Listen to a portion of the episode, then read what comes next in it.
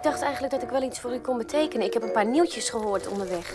Wat is er gebeurd? Ja, wat is er gebeurd? Wat is er gebeurd? Uh... Welkom bij de 14e editie van de Ketelhuis Podcast. Uh, de vrouw die mijn leven sterk bepaald heeft, was Olivia Newton-John.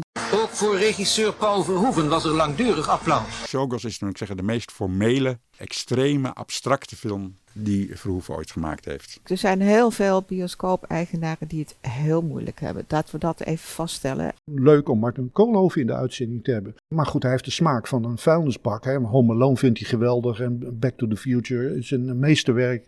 Waar snij ik en waar niet? Niet snijden is ook monteren. De Ketelhuis Podcast. Ik zou er maar naar luisteren.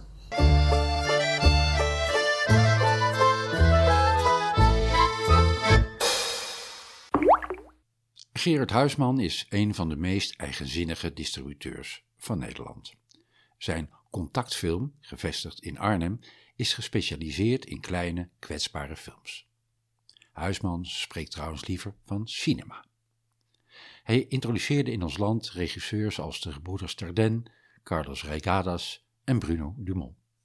En hij scoorde onverwacht kastsuccessen met films als Être et Avoir en The Story of the Weeping Camel. Afgelopen december kondigde de 70-jarige Huisman aan geen films meer uit te brengen in de Nederlandse filmtheaters. Het ging financieel al niet best en dan had je ook nog corona. Van de twaalf laatste titels die hij aankocht, kon hij er afgelopen jaar maar vijf uitbrengen. Floortje Smit wandelde met hem door Amsterdam. Ik heb je net opgehaald bij, uh, bij AI, mhm. bij het, uh, het Filmmuseum in, uh, in Amsterdam. Was je hier, want jouw hele archief gaat hier naartoe, hè? dat klopt. En ik had, ik had een bespreking hoe we dat aan moeten gaan pakken. En dat is nu wel duidelijk. Ik ga een deel schenken, het meeste eigenlijk. En alle kopieën. Maar ook, ze willen ook de affiches, ze willen ook het papieren archief zeg maar, het bedrijfsarchief. En dat gaat allemaal naar het AI Film Instituut. Moeten we rennen? Ja, wacht, ik moet zelf ook even een mondkapje op hoor, moment. We gaan richting de pont. Dat is altijd weer leuk, hè? Ja, de pont, altijd leuk? Ja, dus uh, ik vind het altijd leuk.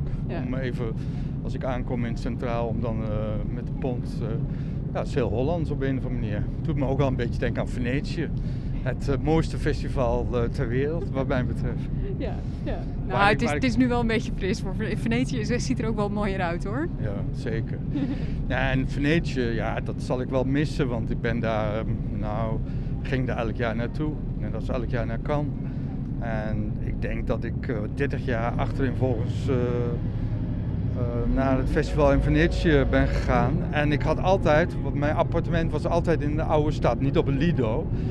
Dus je gaat van Lido, neem je de Vaporetta naar de oude stad en dat is echt fantastisch. Niets is leuker dan s'avonds, als je overdag films hebt gekeken, nou, dan, dan ga je ergens om een uur of negen ga je eten en dan duik je je bed in om de volgende dag een Vaporetto te nemen naar het Lido en om negen uur weer naar de film te gaan.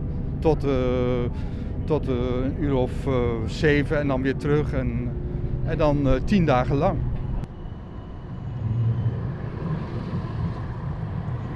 Laten we, want we, zijn nu, we lopen nu voorbij het Centraal Station. Ik dacht, we moeten even over de Prinsengracht, hè, want daar is het feitelijk begonnen voor jou. Ja, dat klopt. Uh, dat was uh, het vroegere kantoor van Contactfilm. dat was eigenlijk Contactfilm, maar ik kon daar een ruimte huren onder. Maar toen, want ik wou graag beginnen als distributeur. En er moest een naam verzonnen worden. En toen zeiden we, oké, dit wordt gewoon contactfilm Cinematheek. Want de contactfilm bestond al, hè? Dat was een soort, een soort bedrijf wat volgens mij oude zwart-wit Tarzan films verhuurde. Ja, dat, klopt. Heel veel films voor jeugdcentra en allerlei jeugdhonken, Tarzan films, uh, familiefilms. Vaak zwart-wit films, inderdaad. Uh, uh, Laura en Hardy's, noem maar op. En ehm, ja, ik dacht als distributeur, je moet gewoon iedereen neerzetten in Amsterdam. Dus ik dacht van, nou, ik moet in Amsterdam zijn. En dan ging ik dus uh, met de trein vanuit Arnhem, waar ik woon, ging ik dus uh, naar de Prinsengracht. Mm -hmm. En al gauw, nou zeg maar een jaar, dacht ik van, nou hier moet ik toch niet zijn. Want ten eerste was het onmogelijk om je auto te parkeren, werd steeds lastiger. Ja. En eh, ik merkte ook dat, ehm, dat eh, het duurde allemaal te lang. En, op een en het was ook gewoon duurder als je affiches, je hebt opslag nodig. Je moet, eh, en toen dacht ik, ik kan beter alles regelen vanuit eh, mijn woonplaats. En toen ben ik weer teruggegaan naar Arnhem. En dat was een goede beslissing. Ja, waarom? Want eh, ze zeggen dat toch altijd, hè? als je iets wil in de filmwereld. da- doordat je in Arnhem zit, ben je er ook altijd een beetje buiten gebleven. Of was dat juist een voordeel? Ik denk dat het in mijn geval een voordeel was. Want al gauw merkte ik in Amsterdam dat me- me- men belde mij op. Van, eh, want eh, in het begin eh, werd er, nou, niet vijandig, dat is een groot woord. Maar er werd wel naar mij gekeken van, nou wat moet dat met een nieuwe distributeur, contactfilm. Ja. Ik zat, tenminste sommige mensen dachten dat ik hetzelfde spoor zat als, als Cinemine. Eh, maar goed, ik had een hele andere optiek ook van, en de keuze van film. Soms waren er wel wat overlappingen, maar daar kan je over hebben.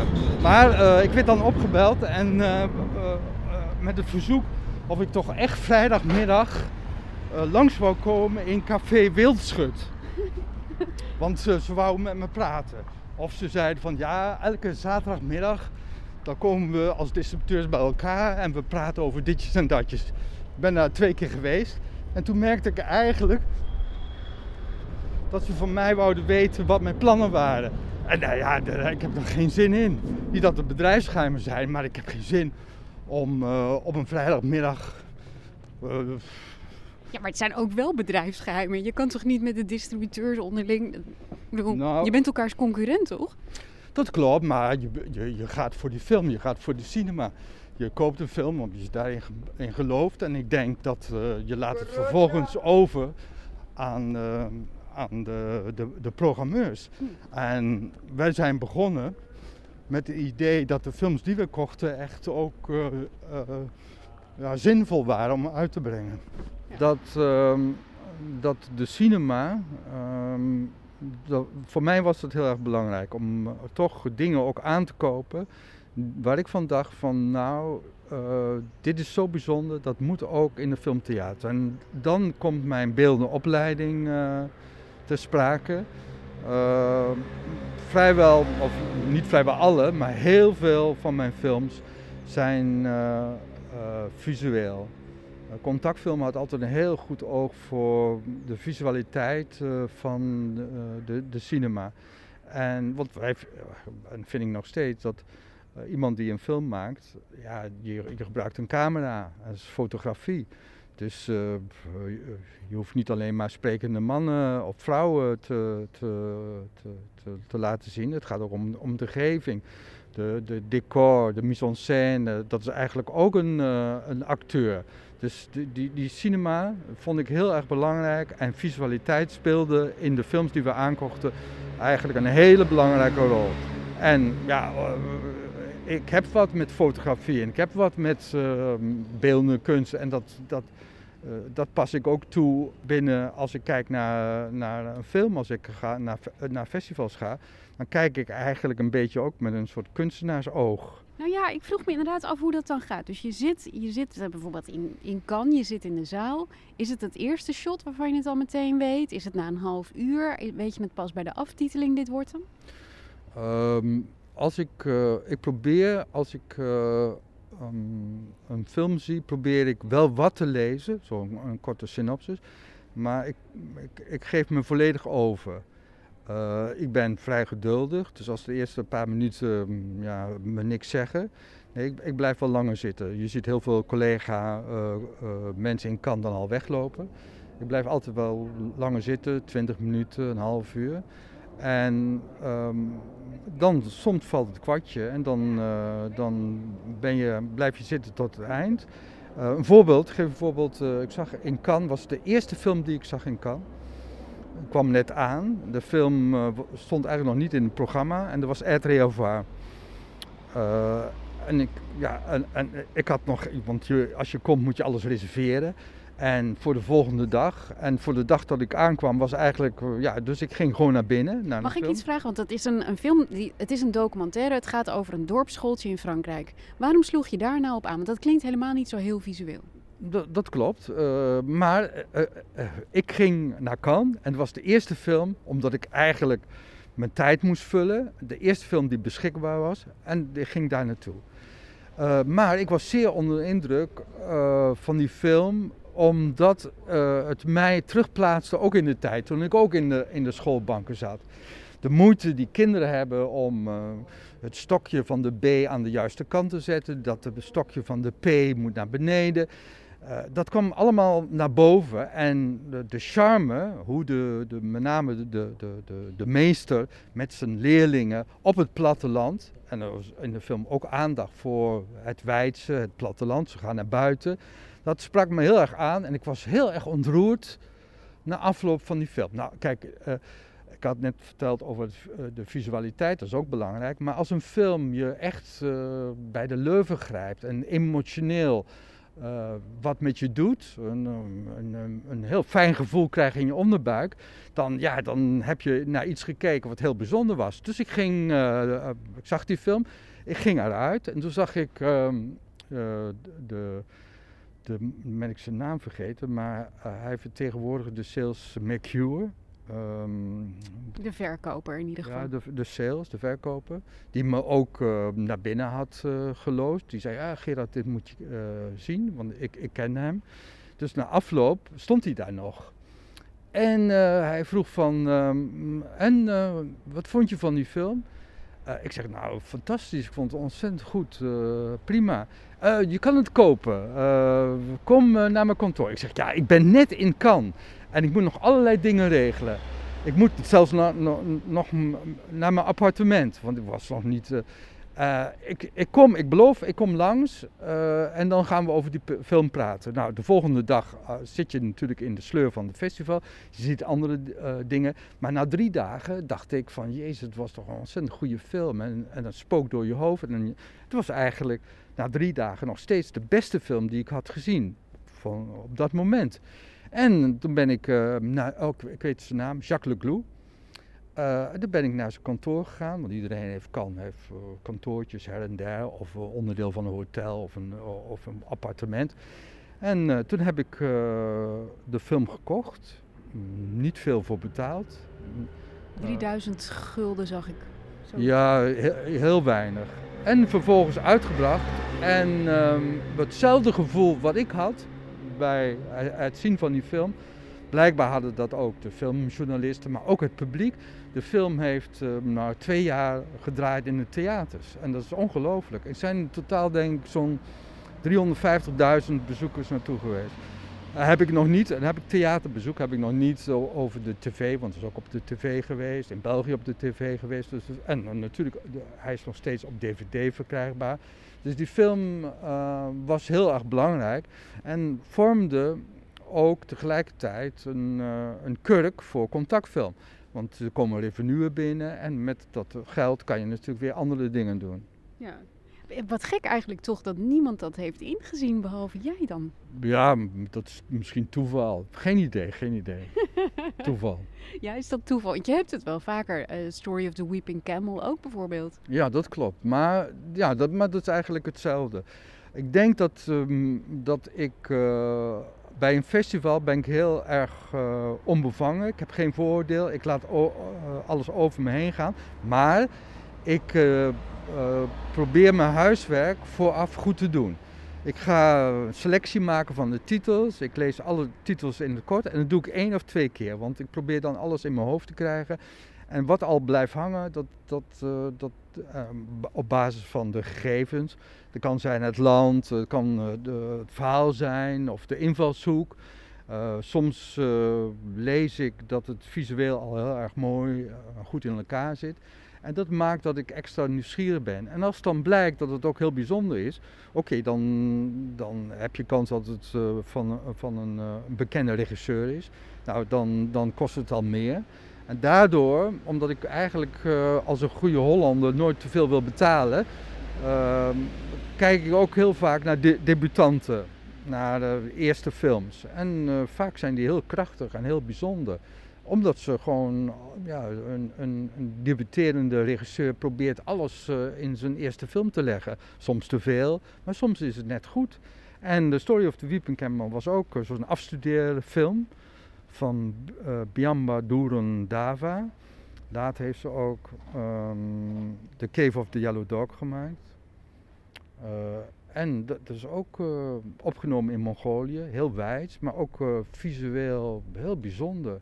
Mooi van compositie, verhaal heel eenvoudig, maar ook heel erg doeltreffend. En een taal heel erg, ja, het komt, bij mij kwam het gewoon heel erg diep binnen en dan blijft, blijft het hangen. Maar je hebt, je hebt wel meerdere, en vooral met die debuten zijn altijd heel interessant die je hebt gekozen. Want je hebt, even kijken hoor, het, de, de debuten of de eerste films van de Dardennes heb je, ja. van Regadas heb je, Bruno Dumont, Shashanke. Carlos Rijgedas, ik zag de film Gapon, was geselecteerd voor Rotterdam. En hij was ook aanwezig. En toen kon ik, omdat er Hugo Balscheld uh, in zat, en de regisseur was aanwezig, en je kon, dat is het goede van Rotterdam, je kan heel makkelijk in contact komen met, met de, de, de, regisseurs. Daar heb ik hem, volgens mij ben ik hem uitgegaan met hem wezen eten. En daarna hebben we volgens mij um, mescal gedronken. En, maar in ieder geval, uh, ik was zeer onder indruk, veel over die film gepraat. Uh, en, uh, en ik zei tegen hem, ik zou heel graag die film willen uitbrengen. Het is geen film, het is geen makkelijke film. Het is een film waarvan je van tevoren weet, dit gaat niet heel veel geld opleveren met de lange verstilde shots en uh, ronddraaiende camera. Nee, maar uh, dat klopt, daar ben ik helemaal mee eens. Er zijn ook niet zoveel mensen, maar ook daar, daar geldt dat Japon is een, toch een cultfilm geworden. Uh, je volgt heel lang de hoofdpersoon. Als kijker denk je, nou, wat krijgen we nou? En heel vaak zie je hem alleen zijn rug. Hij is onderweg uh, en hij, hij, hij maakt een reis. Maar je merkt al gauw dat hij ook een reis maakt, een innerlijke reis. Hij heeft wat te verwerken. En die spanningsvelden zijn zo interessant dat je nieuwsgierig, uh, ja, je wordt heel nieuwsgierig. En dat hele gegeven is ook geplaatst in een landschap, in een omgeving, in een land die, ja, die heel bijzonder is. Dus uh, het fascineert. En dat fascinerende, dat maakt uh, dat die film uh, ook weer heel op een mooie manier, althans bij mij, naar binnen komt. En ook blijkbaar bij heel veel andere mensen. Ja, want ik, bij alles hè, met zo'n selectie, en met, met, je, je kiest dus eigenlijk wat je heel mooi vindt. Je let heel erg op het visuele aspect. Je zegt, ik vind het belangrijk dat een film, hè, dat het Nederlandse publiek dat ziet. Um, ik hoor nergens dat je ook er iets aan wil verdienen. Nee, ik vind geld uh, verdienen niet zo belangrijk. Als ik gewoon mijn uh, maandelijkse lasten kan, uh, kan betalen, dat, is prima. Ik hoef niet rijk te worden. Dus dat heb ik ook nooit gedaan. Ik steek liever het geld in andere dingen. Bijvoorbeeld in boeken. Ik lees veel. En als ik mooie kunst zie en ik kan het kopen, dan koop ik liever een kunstwerk van uh, het geld wat ik over heb. Nee, ik heb geen, uh, ik heb geen uh, interesse in geld. Ja, je, hoeft er, je hoeft er niet rijk, je hoeft er natuurlijk niet rijk van te worden, maar een film als, als Gapon is ook geen film waarbij, hè, dat is geen kurk waar je, waar je toko op kan blijven drijven. Nee, meestal bij film is zo dat soms verdien je wat, maar, en dan verdien je vaak toch vrij veel. Want uh, men zegt wel de, de grote distributeurs zeggen dat uh, van de tien films is er één film die het geld maakt en de rest, uh, de negen films, die kosten geld. En dat is wel een beetje zo, niet helemaal natuurlijk. Maar mm, als er een film geld opbrengt, dan kan je met het geld ook weer andere dingen doen waarvan je ook al weet dat ze wel belangrijk zijn voor de cinema, maar dat het waarschijnlijk geld gaat kosten. En als ik terugkijk naar dan bijna 30 jaar contactfilm, dan kan je eigenlijk zeggen dat een paar films, nou, er zijn toch een flink aantal, maar die aantal hebben ook gezorgd dat ik heel veel andere films kon kopen en laten zien die er ook werkelijk, die er wat toe deden, die, die, die belangrijk zijn. Ook al uh, op dat moment uh, misschien niet zo werd ervaren, maar later, als ik terugkijk, uh, hele belangrijke films zijn geworden, maar ook belangrijke uh, regisseurs.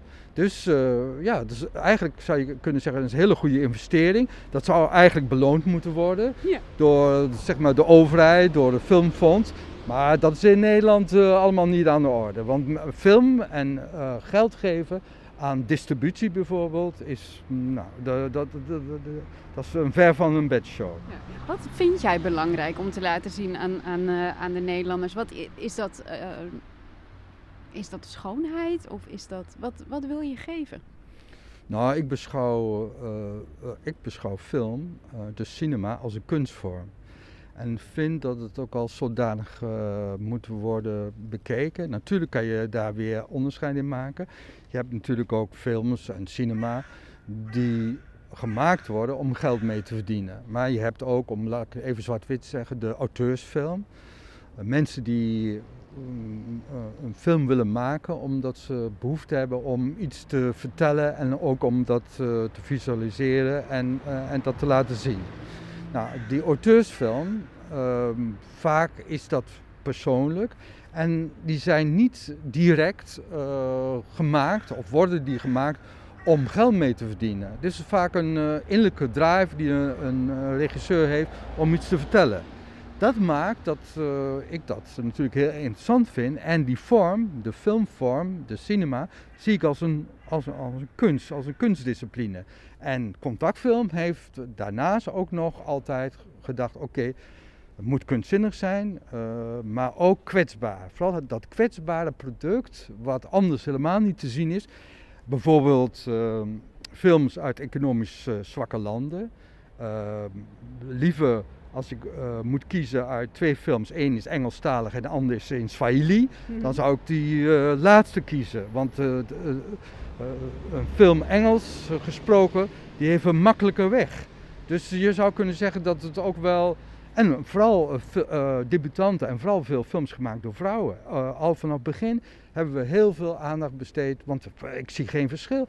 Een, een, een, een, regisseur, een vrouwelijke regisseur, maakt niks, net zo goede films als een mannelijke regisseur. Het is het hele systeem, het hele cinemasysteem, wat uh, een, een bepaalde soort positie heeft wat zorgt dat, dat ze ondergesneeuwd raken. En dat is niet vanwege de kwaliteit, want die kwaliteit is, is uitstekend. En ze zouden, ja, dat zou veel beter ehm, door de programmeurs gezien moeten worden en ook bewust geselecteerd moeten worden. Als dat consequent, doelbewust, jaar in jaar uit wordt volgehouden, dan is er over tien jaar helemaal geen sprake van, dan is het mooi eerlijk verdeeld. Hmm. Wat, wat is nou een, een kwetsbare film waar jij dan nu heel trots op bent? Waarvan je zegt, nou, dit, dit hebben wij toch uitgebracht, anders had niemand hem gezien. Nou, kijk, Honeyland is uh, wel een film um, die heel kwetsbaar is. Het is een, docu over een vrouw die honing verzamelt en, uh, en, en, en, toch uh, heel bijzonder.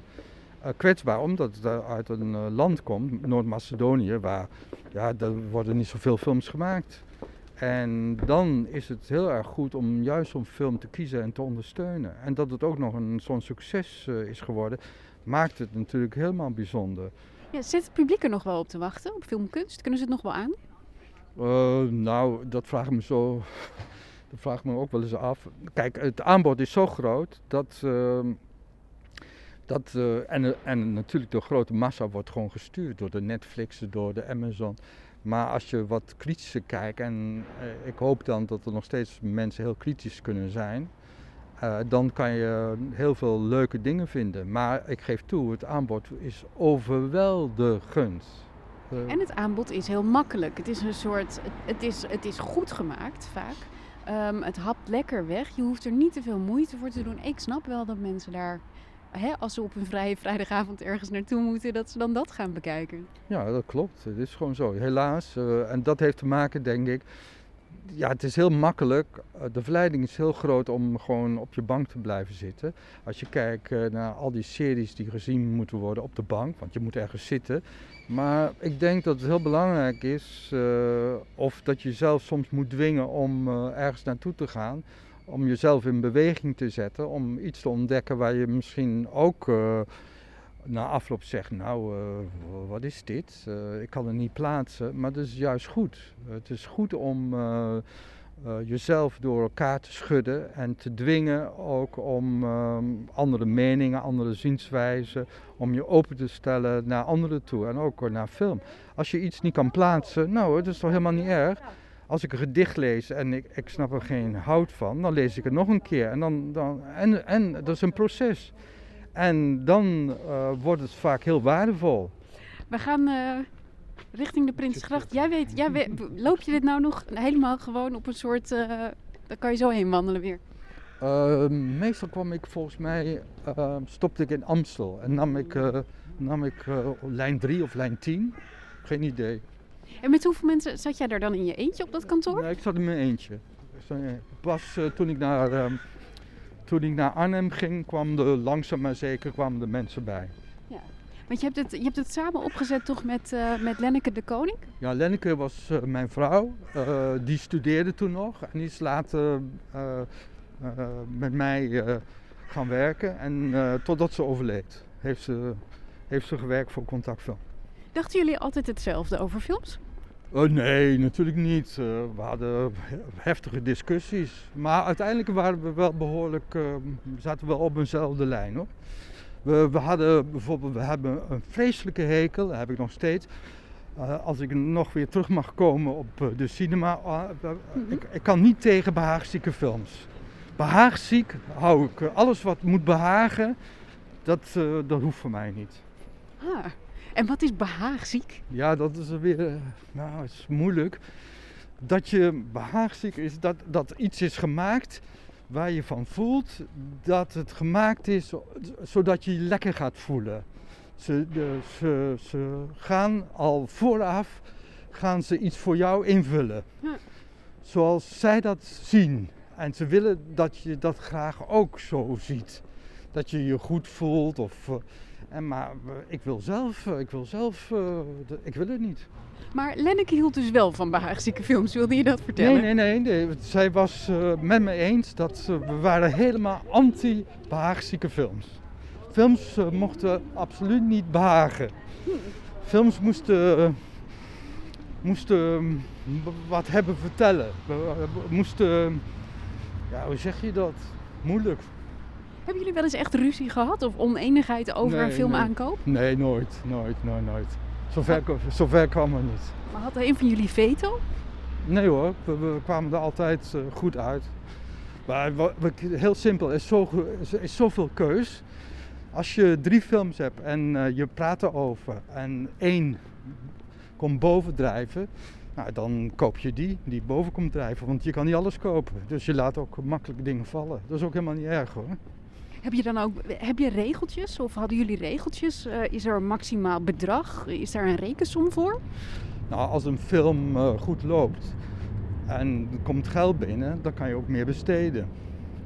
Maar als je een organisatie opzet, uh, is logisch dat hoe groter de nou, je groeit langzaam, maar je hebt je vaste lasten. Je, en wij hebben de laatste jaren 13 films eh, per jaar uitgebracht gemiddeld. Dat was ook nodig om zeg maar, het hele apparaat uh, te laten gedijen, te laten lopen. En uh, soms was het moeilijk.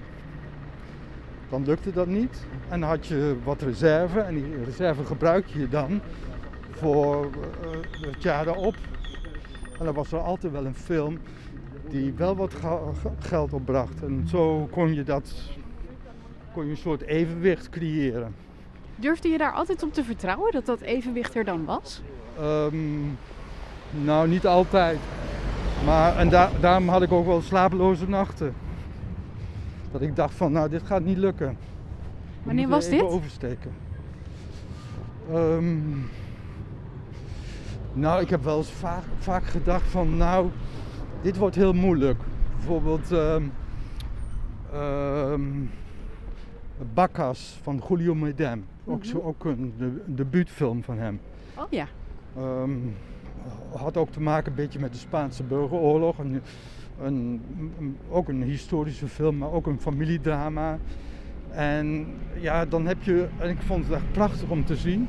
Uh, maar ja, uh, je betaalt uh, daar ook voor, want het zat bij een, wat je zou kunnen noemen, wat commerciële uh, sales. En ja, dan, dan bij het herzien denk je, oh my god, wat heb ik gedaan? dat is een probleem. Dus eh, het is een beetje, het is, het is ook een beetje gokken. En eh, je kan zeggen dat eh, na 30 jaar weet je het wel een beetje hoe het, hoe het spel moet worden gespeeld en hoe het verloopt. Maar het, het blijft altijd een risico natuurlijk. Je hebt ontzettend lang samengewerkt met Lenneke. Jullie woonden en, en werken, dat loopt ook allemaal door elkaar heen, hè, geloof ik, in Arnhem. Ja. Ehm, hoe is het dan als zij eh, komt te overlijden? Hoe, eh, heb je dan nog wel zin in zo'n bedrijf? Nee, dat was helemaal niet leuk. Dat heb ik twee jaar, nou, is zeker. Nou, twee, na twee jaar ben ik weer begonnen, maar het kostte me ruim anderhalf jaar om weer mezelf te hervinden. En natuurlijk had Contactfilm, samen hadden we films aangekocht.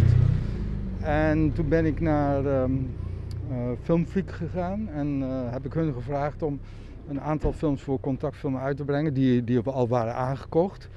En eh, ik had gewoon tijd nodig om ook om bij mezelf te raden te gaan. Nou, wat, wat, wat ga ik doen? Ga ik wel verder?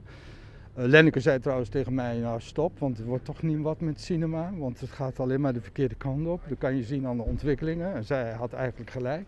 Zeker het type film wat, wat, wat, waar wij voor stonden en waar wij voor staan. En dat, dat zie je, dat wordt lastiger en lastiger. Je wordt ondergesneeuwd door een enorme berg van films. Maar ehm, na anderhalf jaar had ik er toch wel weer zin in. Want eh, oké, mijn bestuur, want dus ik werk voor een stichting, zei van oké, ja, als je wil stoppen is prima. Maar dan moet je wel zorgen dat eh, alles wordt goed afgerond. Dus eh, ga het kantoor opruimen, ga, ga brieven schrijven, ga de rekeningen betalen. Want eh, de enveloppen de vielen dus ook eh, eh, op, de, op, op de bodem. Eh, eh, nou, eh, dus eh, ik ging me, in het begin moest ik er echt toe zetten. Dat kostte me eh, echt veel moeite. En ben ik twee ochtenden in de week ben ik eh, naar kantoor gegaan. En na een maand dacht ik van, eh, ja, maar wat, is dit? Dit moet toch ook gedaan worden? En toen kreeg ik opnieuw weer een soort energie. En ehm, dat was na een, maand verder was het helemaal, was ik weer de oude. En eh, wa- was ik ook eh, over mijn eh, bedroefdheid heen. Want er was een, voor mij was het een hele zware, wa- zware slag. Ja.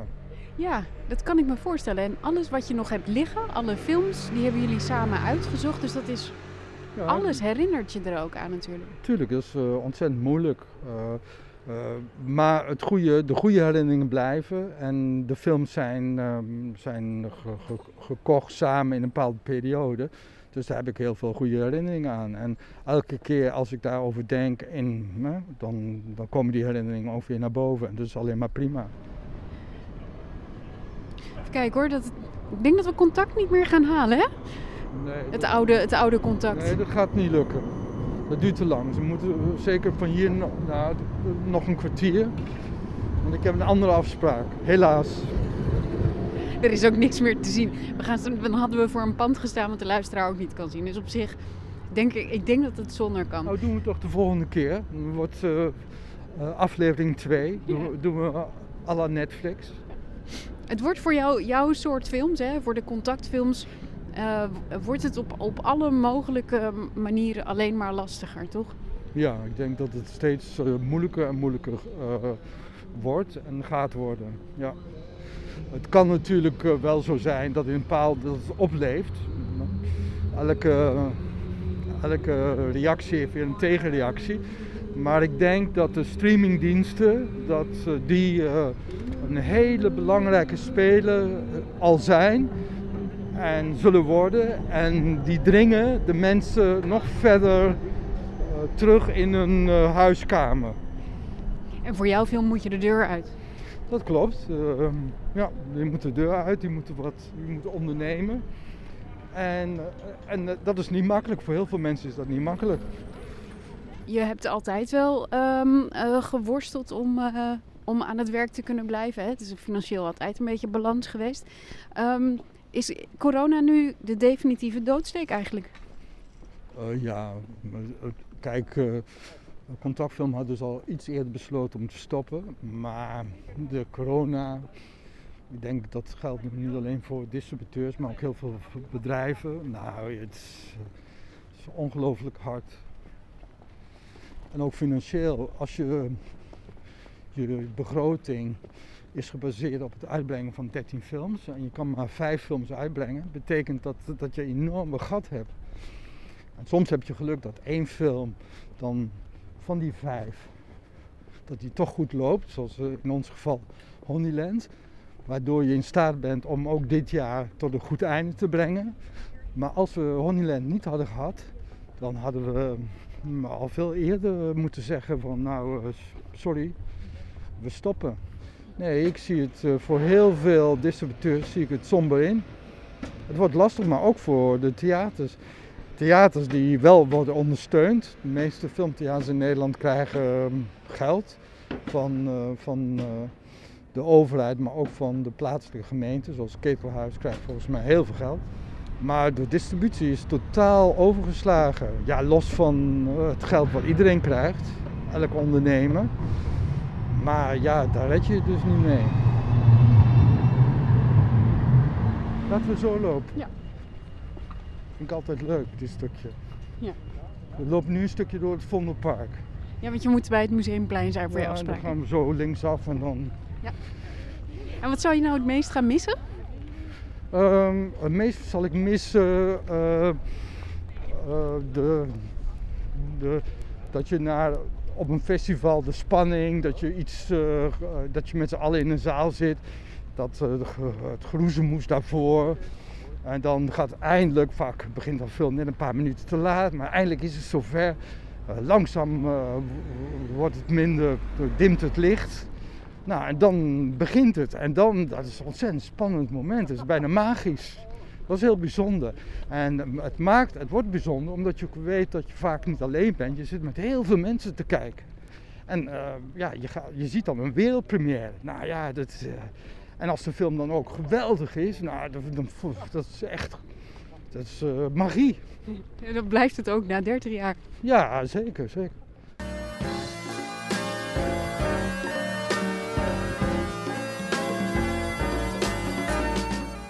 Tot zover deze Ketelhuis podcast. Deze podcast wordt gemaakt door Hans Berikamp, Nico van den Berg, Alex de Ronde, Floortje Smit en Lieslot Roodbol. De Ketelhuismelodie werd zo'n 20 jaar geleden gecomponeerd door Sylvia Holstein. Je vindt de Ketelhuis podcast in je favoriete podcast app en natuurlijk op onze website ketelhuis.nl slash podcast. Abonneer je vooral zodat je geen enkele aflevering mist en we vinden het hartstikke leuk als je een reactie achterlaat of wat sterren. Hou ons in de gaten, we zijn snel weer terug met een nieuwe podcast.